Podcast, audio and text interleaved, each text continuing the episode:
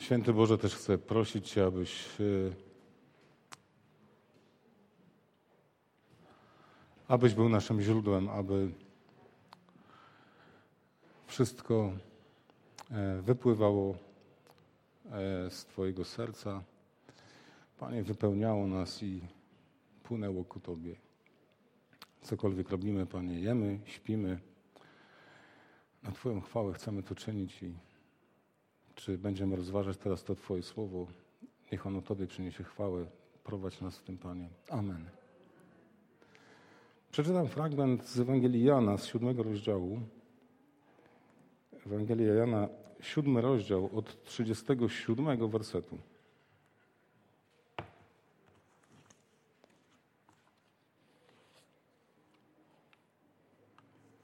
Kiedy Jezus brał udział w święcie namiotów, jest powiedziane, a w ostatnim wielkim dniu święta stanął Jezus i głośno zawołał: Jeśli kto pragnie, niech przyjdzie do mnie i pije. Kto wierzy we mnie, jak powiada pismo, z wnętrza jego popłyną rzeki wody żywej. A to mówił o duchu, którego mieli otrzymać ci, którzy w niego uwierzyli, albowiem Duch Święty nie był jeszcze dany, gdyż Jezus nie był jeszcze uwielbiony. Wtedy niektórzy z ludu, usłyszawszy te słowa, rzekli: To jest naprawdę prorok. Inni mówili: To jest Chrystus, a jeszcze inni mówili: Czy z Galilei przyjdzie Chrystus? Czy pismo nie mówi, że Chrystus przyjdzie z rodu Dawida i z Betlejemu, miejscowości, gdzie mieszkał Dawid? Powstał więc z powodu niego rozłam między ludem. Niektórzy z nich chcieli go pojmać, lecz nikt nie podniósł ręki na niego. Przyszli tedy słudzy do arcykapłanów i faryzeuszów, którzy ich zapytali, dlaczego nie przyprowadziliście go. Słudzy odpowiedzieli: Nigdy jeszcze człowiek tak nie przemawiał, jak ten człowiek mówi. Wtedy odpowiedzieli im faryzeusze: Czy i wy daliście się zwieść? Czy kto z przełożonych lub z faryzeuszów uwierzył w niego? Tylko ten motłoch, który nie zna zakonu, jest przeklęty. Jezus w ostatnim wielkim dniu święta, święta namiotów, wiemy to stąd y, z całej historii opisanej przez ewangelistę Jana, że uczestniczył w ostatnim święcie przed ostatnim świętem Paschy. Święto namiotów przypada właśnie w podobnym czasie jak teraz, koniec września, początek października. W tym roku chyba prawdopodobnie 2 października w piątek rozpoczyna się to święto, trwa 7 dni, kończy się, zaczyna się w sabat, kończy się e, kolejnym świętym sabatem, takim wielkim dniem zgromadzenia, więc w sumie można powiedzieć, że 8 dni e, świętuje się e, pamiątkę wyjścia Izraelitów z Egiptu. Bo święto namiotów to nic innego jak nakazany, nakazane święto w Księdze Kapłańskiej w 23 rozdziału, w rozdziale. Jedno z tych trzech świąt, w czasie których każdy mężczyzna, dorosły Izraelita miał obowiązek pielgrzymować do Jerozolimy i spędzać tam te święta. Więc oprócz Paschy, oprócz Dnia Pięćdziesiątnicy, yy, czyli Zielonych Świąt, również święto namiotów wchodziło właśnie te trzy święta obchodzone w Jerozolimie. I one miały swój szczególny charakter. E, oczywiście ci, którzy pielgrzymowali do Jerozolimy, mogli sobie zrobić szałasy, postawić je gdzieś tam wokół świątyni. Szałasy były robione e, z gałęzi palmowych, wierzbowych, mirtowych, z jakich tam po prostu mieli możliwość zrobić te szałasy. I zobaczmy, że przez siedem dni mieli przypominać sobie o swojej historii z Bogiem, o swojej takiej tożsamości, jaką mieli jako naród wybrany, yy, yy, o swojej tożsamości, o swoim pochodzeniu, o swoim o swojej więzi z Bogiem. Kiedy dzisiaj podobno obchodzi się w taki sposób święto namiotów, że niektórzy robią takie szałasy na balkonach, na dziedzińcach, może na dachach nawet, No, te szałasy dzisiaj na pewno wyglądają inaczej. Pewnie nie muszą być zrobione z gałęzi drzew. Może są to namioty, może jakieś domki, budki, cokolwiek. Nawet samo słowo e, to święto namiotów tłumaczy się jako sukot. Sukot oznacza dosłownie budkę, coś takiego przejściowego, jako, jako schronienie. Ale kiedy zobaczmy, e, sposób obchodzenia tych świąt polegał na tym, że przez siedem dni ludzie nie mieszkali w domach. Przez siedem dni przebywali w szałasach. Tak dalece Bóg uświadamiał swojemu narodowi jego zależność od Boga, bo przez 40 lat od wyjścia z Egiptu do wejścia do, nie, do ziemi obiecanej oni mieszkali w namiotach. I to miało im przypominać o tym, że Bóg prowadził ich z Egiptu, z niewoli, wyprowadził ich z tej niewoli i wprowadził ich do ziemi obiecanej, że w czasie tej wędrówki przez te 40 lat opiekował się nimi. Bóg, dawał im mannę z nieba, dawał im mięso, dawał im wodę, troszczył się o nich, e, byli zależni od Boga czasie tej wędrówki. I kiedy weszli do ziemi obiecanej, Bóg mówił, przypominaj sobie to wszystko, abyś nie zapomniał, kiedy najesz się dosyta, kiedy już będziesz zbierał plony tej ziemi, do której cię wprowadzę. Będziesz miał wszystkiego pod dostatkiem i mięsa, i owoców, i zboża, i wszelkich płodów ziemi pod dostatkiem będziesz miał, to żebyś nie, nie zapomniał o Bogu swoim. I mieli właśnie w tych świętach przypominać sobie o, o tym, co Bóg uczynił dla, dla nich, dla ich ocalenia, wybawienia, dla uczynienia z nich taki naród, szczególny naród. I kiedy przeczytamy Księgę Nehemiasza, zaskoczy nas fakt, że w ósmym rozdziale, a to już jest po powrocie z niewoli babilońskiej, po powrocie z niewoli babilońskiej, czyli mniej niż 500 lat przed urodzeniem Chrystusa, yy, czytamy o tym, że w ósmym roku, e, w ósmym rozdziale, przepraszam, e, Księgi Nehemiasza, obchodzono, nakazano obchodzić święto namiotów, Nehemiasz 8,17. Ca, całe te, wtedy zgromadzenie, wszyscy, którzy powrócili z niewoli, pobudowali sobie szałasy i mieszkali w szałasach, czego synowie izraelscy nie robili od czasów Jozłego, syna Nuna, aż do tego dnia, to też zapanowała bardzo wielka radość. Wyobrażacie sobie, że od Jozłego przestał obowiązywać ten zwyczaj obchodzenia świąt właśnie w taki sposób. Do Nehemiasza. Co ludzie zrobili? Dokładnie to, przed czym ostrzegał ich Bóg, żeby nie zapomnieli drogi, jaką Bóg ich prowadził, żeby nie zapomnieli opieki, której Bóg udzielał im przez te 40 lat podczas wędrówki przez pustynię. To miało im uświadamiać.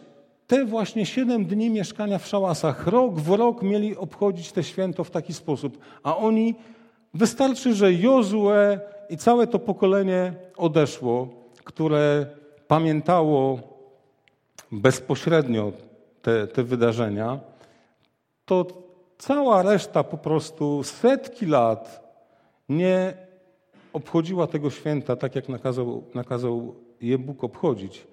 I kiedy mamy ten ostatni wielki dzień święta, widzimy, że te przyjście Jezusa na to święto nie było łatwą sprawą. Jezus pojawił się w połowie tych świąt. Jeżeli one obchodzone były 7 dni, to i ten ostatni wielki dzień święta to był ten ósmy, ostatni sabat, który był zgromadzeniem uroczystym. Jezus w czasie tego ostatniego dnia świąt odezwał się tym głośnym e, wołaniem, ale wcześniej widzimy, że w czternastym wersecie tego rozdziału, gdy już minęła połowa świąt, wstąpił Jezus do świątyni i nauczał. I dziwili się Żydzi i mówili, skąd ta jego uczoność, skoro się nie uczył. Widzimy, że Jezus pojawił się w połowie tych świąt, a wcześniej jeszcze, od początku tego rozdziału, mamy rozmowę Jezusa z jego braćmi, którzy mówią: Idź, pokaż się w Judei, aby inni mogli zobaczyć dzieła, które czynisz tam, w Galilei, skąd pochodził, i aby mogli Cię poznać. Jego bracia mówią, że jeżeli chcesz być znany, to udaj się do Judei. Ale Jezus nie mógł otwarcie udać się do Judei na samym początku tego święta, ponieważ już wtedy planowano e, zabić go. Więc e, przeszkody, jakie e, były ku temu, żeby Jezus uczestniczył, tak jak wszyscy w tym święcie, były już jakby wszystkim znane i samemu Jezusowi. I to był powód, że pojawił się tam dopiero w połowie tych świąt. Ale widzimy, że kiedy się pojawił, nauczał w świątyni. I ludzie, widząc mądrość, z jaką się wypowiada, zaczynają się zastanawiać, skąd on to ma, czyim on jest uczniem, jaką szkołę kończył. Przecież żadnej nie kończył. Ludzie w tych czasach, tak jak i również dzisiaj, powołują się na szkoły, które kończyli, na nauczycieli, u których się uczyli. Apostoł Paweł mówił, że był wykształcony starannie u stóp Gamaliela, miał swojego mistrza. Jezus mówi, kto jest jego nauczycielem. Mówi, ja, oni widzą, że on żadnej szkoły nie kończył. A Jezus odpowiada, nauka moja nie jest moją, lecz tego, który mnie posłał. Jezus nigdy nie szukał chwały i potem mówi, Ktoś, kto szuka swojej chwały, nie może szukać Bożej. Ja szukam Bożej chwały, nie swojej. Ludzie, którzy są nauczycielami, szukają swojej chwały. Oni szukają uznania dla swoich autorytetów, dla swoich osiągnięć, dla swoich może zdobyczy takich czy innych i tym się po prostu legitymują przed innymi. To nadaje im autorytet i prawo do wyrażania się w takiej czy w innej sprawie. Jezus mówi: Ja nie szukam własnej chwały. Ja nie powołuję się na żadną szkołę rabiniczną, na żaden instytut taki czy inny. Ja powołuję się na Ojca. I mówi: Chcesz przekonać się, że to, co mówię, nie jest ludzką interpretacją, nie jest ludzkim nauczaniem, nie jest ludzką szkołą. Mówi, to jest bardzo proste, żeby się przekonać. Mówi, jeśli kto chce pełnić wolę, ten pozna, czy nauka ta jest z Boga, czy ja sam od siebie mówię. To jest ta różnica, o której mówiliśmy wcześniej, dwa tygodnie temu. Jeżeli ktoś chce pełnić wolę Ojca, ten się przekona, nie ten, który chce ją poznać, w sensie intelektualnym, w sensie zaspokojenia swoich jakichś potrzeb takich czy innych, ale tylko w sensie poznawczym. To on będzie tylko dewagował, deliberował nad znaczeniami, operował jakimiś terminami i żonglował znaczeniem ich albo ich nieznaczeniem. A jeżeli ktoś chce poznać, czy ta nauka jest z Boga, to ten będzie żył tą nauką i w ten sposób ją pozna. W sposób taki, który prowadzi do zastosowania tego słowa.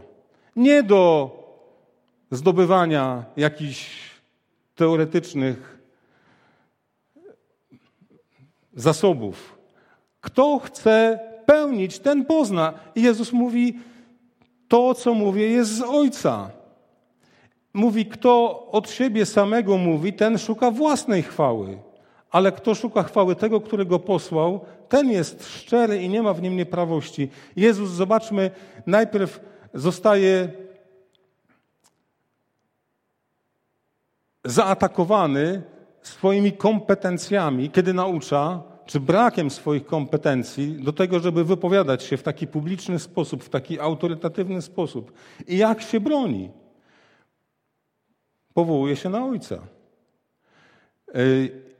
Jak chcesz zweryfikować to, czy mówię, że pochodzi od Ojca? Jak chcesz pełnić wolę Ojca, to przekonasz się o tym. Jak chcesz pełnić wolę człowieka, okaże się, że nie będzie ci pasować to, co mówię. Nie będzie odpowiadać ci mój autorytet. Będziesz szukał innych wymówek, autorytetów, będziesz szukał innych rozwiązań, innych interpretacji, ale jeżeli chcesz przekonać się, że to jest nauka, która płynie od Boga, to będziesz ją wypełniał, będziesz nią, nią żył. Jezus nie jest skoncentrowany właśnie na, na swojej chwale, tak jak ludzkie autorytety i ludzcy nauczyciele. Jest skupiony na chwale Ojca. Kiedy widzimy go tutaj, że nagle w połowie świąt taki publiczny sposób zaczyna nauczać, kiedy wszyscy mówią, że przecież Żydzi czy tam władze, te religijne władze szukają go, żeby go pojmać. Nawet tutaj kończy się ten fragment tym, że słudzy, którym wydali polecenie, aby przyprowadzili Jezusa, nie przyprowadzają go właśnie z powodu wrażenia, jakie wywarł na nich, kiedy nauczał. Mówią, nigdy jeszcze nikt z taką mocą nie przemawiał. To ich powstrzymało od wykonania tego polecenia, wykonania rozkazu, przyprowadzenia ich do uczonych w piśmie czy arcykapłanów. To e, właśnie ten jego autorytet niepochodzący od jakiejś, jakiejkolwiek szkoły, jakiegokolwiek kierunku takiego czy innego. I kiedy y, widzimy tą odwagę, Jezus zostaje co rusz to konfrontowany pod wieloma względami co do swojej osoby. Inni mówią ma demona, inni mówią nie jest Mesjaszem, bo wiemy skąd pochodzi, a Mesjasz to nie będziemy wiedzieli skąd pochodzi. Jakby wiele takich kontrowersji wokół jego osoby się pojawia, które Jezus od, odrzuca oczywiście w bardzo ciekawy sposób i nie, nie poddaje się tym y, wpływom ludzi, nie poddaje się tym przeszkodom, które stawiane mu są co róż w jakimś, w takim czy innym, na takiej czy innej płaszczyźnie. On wypełnia wolę Ojca, on wie, do czego, do czego dąży. I w ostatnim wielkim dniu święta Jezus stanął i głośno zawołał: Jeśli kto pragnie, niech przyjdzie do mnie i pije. I kiedy mamy świadomość tego, w jaki sposób wyglądały te święta namiotów e, w, e, w świątyni, bo w, w domach oczywiście to było to mieszkanie przez te siedem dni w tych szałasach, ale w świątyni święta obchodzono w taki sposób, między innymi miały znaczenie pewne symbole. Symbole e, gałązek takich palmowych, wierzbowych, które nazywano lulaw, potrząsano tymi, e, tymi gałązkami. E, inne gałązki służyły oczywiście do budowania szałasów, a inne do tego, żeby trzymać je w ręku i, i, i potrząsać nimi. Ale też oprócz tego symbolicznego gestu potrząsania gałązkami, w czasie którego właśnie cytowano Psalm 118 i e, to był najbardziej uroczysty dzień, ten ósmy dzień. E, psalm 118, 25 e, werset tego psalmu. Zawarte są w nim takie słowa.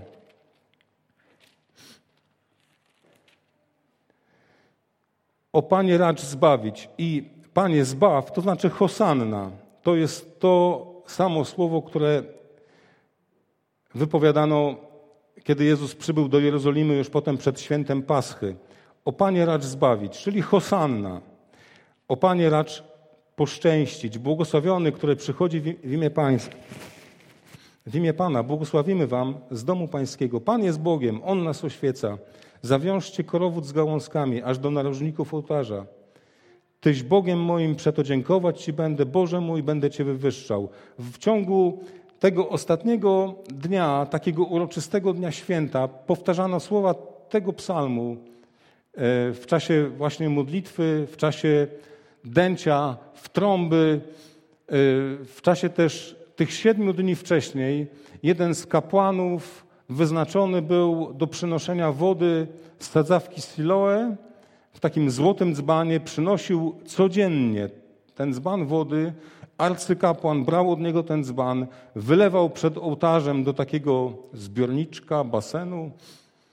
E, z drugiego dzbana dolewał wina i miało to taką symboliczną, e, taki symboliczny wyraz, ponieważ święta namiotów były już po zbiorach, wszystkich zbiorach, już tych jesiennych zbiorach warzyw, owoców, wszystkiego z pól już, co się nazbierało i one właściwie też rozpoczynały takie święto dziękczynienia, ale był to okres oczekiwania na deszcz e, w tej porze zimowej. Spodziewano się, że deszcz, którego ziemia potrzebuje, e, nasyci właśnie wodą ziemię, która będzie znowu zasiana, znowu będą oczekiwane plony na, na kolejne zbiory. I te wylewanie wody z jednego dzbana, a wina z drugiego dzbana miało swój symboliczny taki wyraz. Woda była taką modlitwą, taką prośbą do Boga o to, żeby wylał rzeczywiście obficie swoje, e, swoje posłał swoje deszcze na, na pola, na, e, na pastwiska, na to wszystko, co potrzebowało wody, a wino było takim symbolem też oczekiwania wylania Ducha Świętego. I ciekawe, że e, w tej modlitwie, którą zanoszono w czasie tego święta namiotów, była też modlitwa o wylanie ducha nie tylko na naród wybrany, ale też na inne narody. I kiedy e, wypowiadano to, e, te, te słowa tego psalmu, czy słowa modlitwy z taką nadzieją przyjścia Mesjasza, który zbawi, który ocali, ocali i naród wybrany, ale ocali też inne narody, czy ludzi spośród innych narodów. Te słowa były wypowiadane. Dzisiaj, podobno w synagodze w czasie tego święta, w ostatnim dniu tego święta, ci, którzy przyjdą z jakimiś wierzbowymi gałązkami, uderzają tymi gałązkami o ławki trzykrotnie, mocno, tak żeby liście z tych gałązek upadły na ziemię i one mają w pewnym sensie symbolizować oddzielenie grzechu. Te liście jakby od, od tych gałązek. Taki mają symboliczny swój wyraz. I Jezus w ostatnim dniu tego święta głośno zawołał: Jeśli kto pragnie, niech przyjdzie do mnie. Zobaczcie, człowiek, którego już arcykapłani no, skazali na przynajmniej na areszt, na śmierć później. On staje w tym najświętszym momencie tego święta, w tym ostatnim dniu Wielkiego Zgromadzenia i wtedy, kiedy właśnie ten szofar brzmiał, ten róg kapłanów, którzy deli z całej siły i te pieśni się wzmagały z całej siły i te modlitwy się wzmagały z całej siły i to było takie podsumowanie tego święta, takie uwieńczenie wyprowadzenia narodu izraelskiego z niewoli babilońskiej, czyli wejście do ziemi obiecanej. Ten ósmy dzień mówił, Bóg nas ocalił, wyzwolił, prowadził. Jesteśmy pod Jego skrzydłami, pod Jego opieką. Jezus wstaje i mówi głośno, podejrzewam, że po prostu krzyczał, żeby może jego głos był bardziej doniosły, czy bardziej słyszany niż te dźwięki rogu, niż te pieśni, niż te śpiewy, które były zanoszone przez ludzi. Jezus powiedział: Jeśli kto pragnie, niech przyjdzie do mnie i pije. Jak to musiało po prostu szokować e, w tym święcie, które miało wyrażać właśnie oczekiwanie, Panie, zbaw. I wstaje ten Pan i mówi: Tak, Bóg zbawił. Ja nim jestem. Ja jestem wypełnieniem tych modlitw, tych proroctw, tego oczekiwania. Ja jestem spełnieniem słów tego psalmu. Bóg posłał zbawienie. To ja jestem tym Mesjaszem. Jeśli kto pragnie, czego pragnie?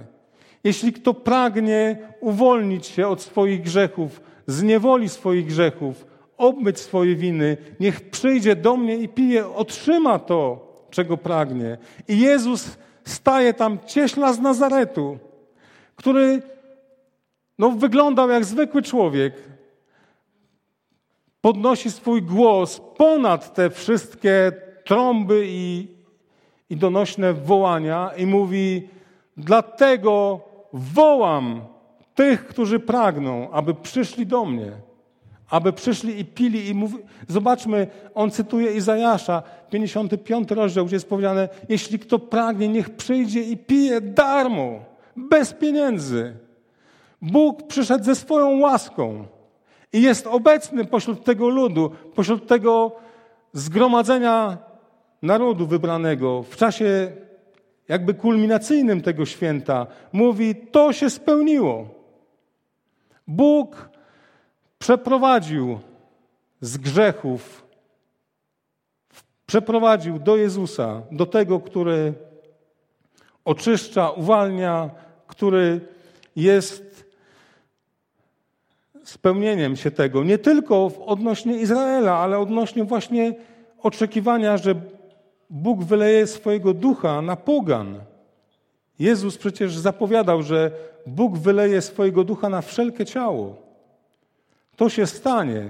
Ci, którzy uwierzą, zostaną napełnieni Duchem Świętym. Duch Święty spełni ofiarę Jezusa w osobistym ich życiu, doświadczeniu. To się stanie przez Ducha Świętego, to będzie ich udziałem. Każdy, kto pragnie, ale trzeba pragnąć.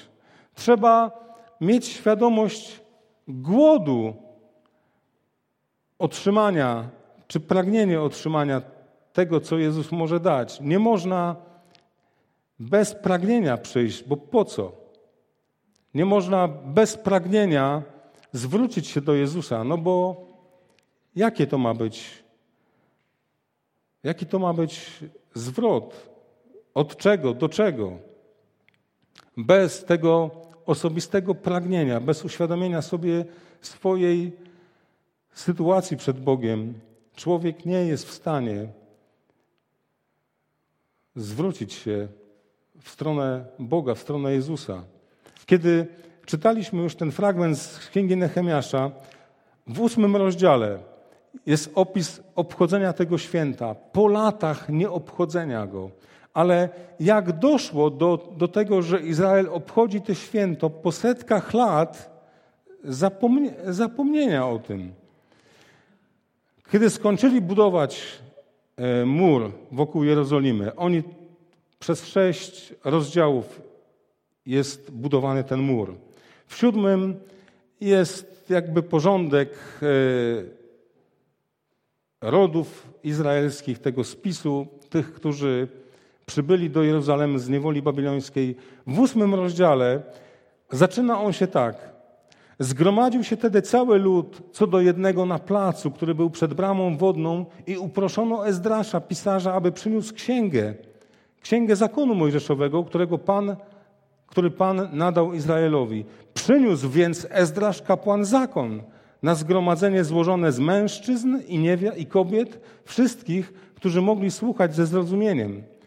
A było to pierwszego dnia siódmego miesiąca. Siódmego miesiąca obchodzono święto namiotów, ale w połowie tego miesiąca. A ciekawe, że siódmy miesiąc zaczynał się przypomnieniem grzechów Izraela przed Bogiem. Dziesiątego dnia był dzień pojednania tego miesiąca, tego siódmego miesiąca, Jom Kippur, kiedy arcykapłan, to był ten jeden dzień, w którym arcykapłan mógł wejść do miejsca najświętszego z krwią zwierząt i przebłagać naród. Najpierw przebłagał Boga za swoje grzechy, potem przebłagał naród za jego grzechy przed Bogiem. To był ten jeden dzień. Przed świętem namiotów był dzień pokuty, był dzień wyznawania grzechów, był dzień pojednania z Bogiem. I jak doszło do tego? Ezdrasz czytał Księgę Zakonu. Ludzie słuchali, wszyscy się tam zebrali jak jeden mąż. Bóg w jakimś cudownym swoim działaniu pobudził ten lud do tego, żeby chcieli usłyszeć, co Bóg ma im do powiedzenia. I widzimy, że przyprowadzili wszyscy jak jeden, przybyli na ten, na ten plac. Oni powiedzieli: Ezdraszu, ty nam czytaj księgę. To wypłynęło z serca ludzi. Zobaczyli, co Bóg robi dla nich. Postawili świątynię, postawili mur dookoła miasta, wystawili straże, zadbali o te zewnętrzne bezpieczeństwo i nagle zostali poruszeni w taki duchowy sposób do tego, żeby dowiedzieć się, co Bóg ma im do powiedzenia. I wszyscy słuchali ze zrozumieniem. Działo się to pierwszego dnia siódmego miesiąca od świtu do południa, czyli około sześć godzin stali i słuchali tego, co czytał Ezdrasz, a byli wyznaczeni kapłani, lewici do tego, żeby im tłumaczyć to, co było czytane. Tak, że jest kilka razy powiedziane, że słuchali ze zrozumieniem to, co Ezdrasz po prostu czytał. I w swojej postawie wyrażali bojaźń przed Bogiem. Ezdrasz błogosławił Pana, lud upadł na twarz, oddał pokłon Bogu. Widać było, że to wszystko, co się dzieje, jest autentycznym, takim duchowym przebudzeniem, odnowieniem, zrozumieniem swojego stanu przed Bogiem. Ci ludzie potem, słysząc te słowa, płakali, ża żałowali za swoje grzechy, smucili się, wyznawali te grzechy. Tak poruszyło ich to, co słyszeli z ksiąg zakonu. I kiedy ten czas pojednania z Bogiem trwał, Lewici zaś uspokajali cały lud, mówiąc: Uspokójcie się, gdyż dzień dzisiejszy jest świętem, nie smućcie się. Zobaczmy, że czas pokuty ma swój koniec. Kapłani, którzy właśnie wyjaśniali słowa zakonu, mówią, ale ten dzień jest poświęcony Panu. Był czas pokuty, teraz jest czas radości. Teraz, mówi, e, przyrządźcie jakieś smaczne potrawy, przynieście je, jedzmy, cieszmy się, bawmy się, bo dziesiąty werset mówi: Idźcie, najedzcie się tłustego jadła i napijcie się słodkich napojów. Udzielcie też tym, którzy nic nie przygotowali, gdyż dzień dzisiejszy jest poświęcony naszemu Panu. Nie smućcie się, wszak radość z Pana jest waszą ostoją. Zobaczmy, co mówią lewici. Radość z Pana jest waszą ostoją. Już wyznaliście swoje grzechy, ale Pan wam je wybaczył. Bóg jest Bogiem przebaczenia. Bóg jest Bogiem łaski. Bóg udziela wam darowania waszych win, waszych grzechów, jeżeli je szczerze wyznajecie, jeżeli pokutujecie z nich, jeżeli odwracacie się od nich, to nie zatrzymujcie się na tym etapie, który no, w jakimś sensie uczuciowo może y, opanował lud. Smutek. Lewici mówią: Nie smućcie się, wszak radość z Pana jest waszą ostoją. Ostoja oznacza bezpieczeństwo, warownia, twierdza. Macie już mur, macie świątynię, macie przywrócone funkcjonowanie życia religijnego, takiego cywilnego funkcjonowania, ale w duchowym sensie macie przyjść do Pana, który jest tą twierdzą. On jest tym, który zapewni Wam bezpieczeństwo, właśnie przede wszystkim w takim duchowym sensie. Radość z Pana jest Waszą ostoją. I co lud zrobił? Zrobił to, co nakazywali Lewici. I Ezdrasz, i Nehemiasz. I oni to zrobili. I zrobili uroczyste zgromadzenie, obchodzili te święta. I jaki był efekt tego, że wypełnili to słowo? Czytano 18 rozdział, werset księgi 8, 8 rozdziału księgi Nehemiasza. I czytano z tej księgi zakonu Bożego codziennie, od, pierwsze, od pierwszego aż do ostatniego dnia. I obchodzono to święto przez siedem dni, ósmego zaś dnia odbyto uroczyste zebranie zgodnie z prawem. I jest powiedziane, że radość nastała wśród tego ludu. Zobaczmy przywrócenie wierności Bożemu Słowu spowodowało radość. To jest pytanie, które może dzisiaj płynąć z tego fragmentu. Jezus woła każdego, jeśli kto pragnie, niech przyjdzie. Pytanie, w jaki sposób mogę wiedzieć, czy pragnę? Poznaj Boże Słowo. Zobacz, czego Bóg oczekuje od Twojego życia. Skonfrontuj swoje życie z Bożym Słowem. Jeżeli to nie spowoduje pragnienia, jeżeli to nie spowoduje duchowego apetytu, jeżeli w konfrontacji z tym, co, co słyszysz z Bożego Słowa, nie pojawi się jakaś świadomość pustki, duchowej pustki, której w żaden inny sposób nie jestem w stanie zaspokoić, jak tylko przez to, że zwrócę się do Boga, żeby On ją wypełnił. Tak jak powiedział Samarytance w czwartym rozdziale Jezus, jeżeli ja dam Ci wodę żywą, to ona stanie się źródłem wytryskującym ku żywotowi wiecznemu. Te źródło wody, które proponuje Jezus, to jest Duch Święty, który spowoduje nowe narodzenie, zmianę w życiu człowieka, który jest źródłem nie przestającym wypływać, który się wylewa. On jest obietnicą, którą daje Jezus, ale dzięki temu, co Jezus zrobił na krzyżu, jeżeli nie ma w człowieku tego pragnienia, jeżeli nie usłyszy z Bożego zakonu, że jest grzesznikiem, że mimo być może urodzenia się w narodzie Bożym, w rodzinie wierzącej, jeżeli nie usłyszy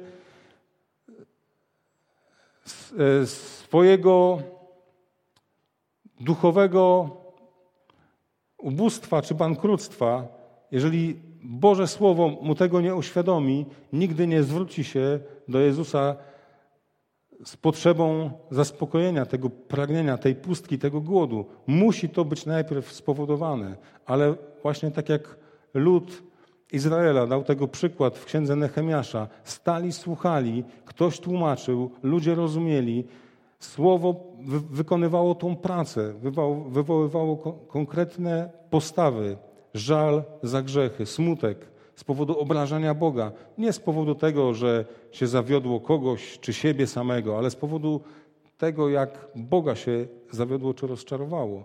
To powodowało pragnienie. Pragnienie, które może być zaspokojone przez, przez Boga. I zobaczmy, ten prosty przykład z księgi Nehemiasza pokazuje, że ludzie radowali się z wypełniania Bożego Słowa.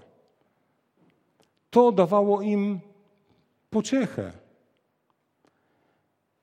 My dzisiaj może mamy inne oczekiwania, może mamy inne pragnienia, może mamy inne, chcielibyśmy powiedzieć, potrzeby, które chcielibyśmy, żeby były zaspokojone. Bóg duchowe potrzeby zaspokaja obficie. On mówi, te, te źródło nie przestaje tryskać. Źródło wody żywej oznacza płynące. W, e, w odróżnieniu od źródła, które jest jakąś cysterną, gdzie woda się gromadzi po prostu.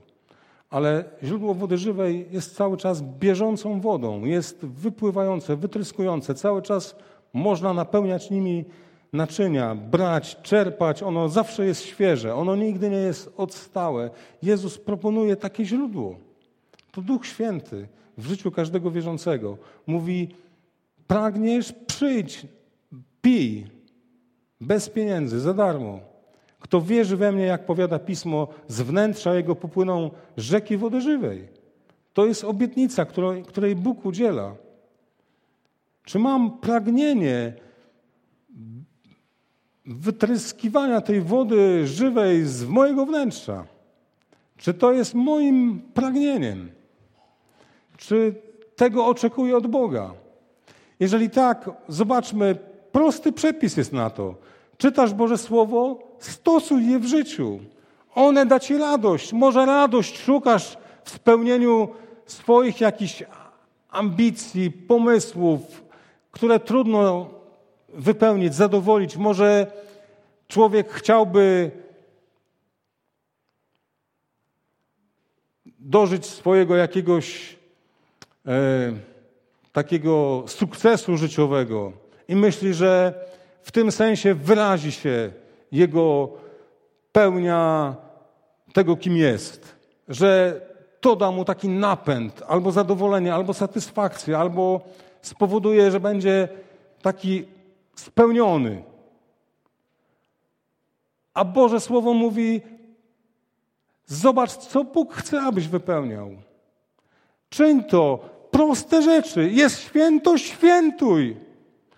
Jest radość z tego, że jesteś dzieckiem Bożym, wyznałeś swoje grzechy, pokutowałeś, zakończ ten okres pokuty i teraz świętuj radość.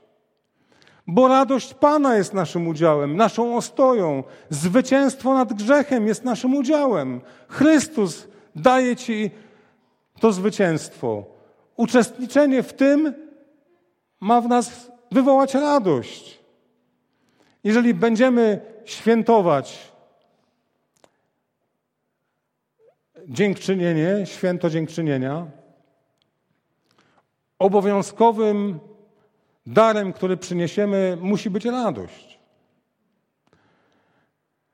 Jednym z owoców, które tutaj przynoszono na te święto właśnie dziękczynienia, które rozpoczynało te święto namiotów, był taki cytrus, którego chyba u nas, nie wiem, czy etrok się nazywa. Taki wydłużony, jakiś cytrusowy, zielonkawio-żółty owoc. Podobno bardzo ładnie pachnie i, i też smakuje. I właśnie jest pewnym takim wyrazem wdzięczności Bogu za, za to, co Bóg przynosi. Święto namiotów rozpoczynało się od dziękczynienia Bogu za to, co dał i proszenia Go o to, żeby zesłał deszcz, zesłał ducha, ale zesłał też zbawienie. Zobaczcie, my jesteśmy uczestnikami tego, co Jezus powiedział. Jeśli kto pragnie, niech przyjdzie i pije. Pijesz, bracie, siostrą, pijesz z tego źródła. Jeżeli pijesz, to ono się wylewa po prostu z ciebie. Ono jest czymś żywym. Może zaniedbujemy to źródło, czy czerpanie z tego źródła. Może właśnie inne pragnienia przyćmiewają to duchowe pragnienie tej obfitości, jaka płynie z Jezusa Chrystusa. Jest to dla mnie takim osobistym napełnieniem, napełnieniem takiej prostoty życia Bożym Słowem. W takim młodzieżowym slangu można by powiedzieć, bracie, siostro, co cię kręci? Co cię napędza? Co daje takiego poera? Co sprawia, że powiesz, ach, ech, też życie, kocham cię, bo, bo co? Bo osiągnąłem coś, bo wyszło coś niemożliwego, dostałem coś, o czym marzyłem, spełniło się jakieś pragnienie. A Bóg mówi: napijesz się z tych źródeł, będzie tryskało z ciebie żywą wodą.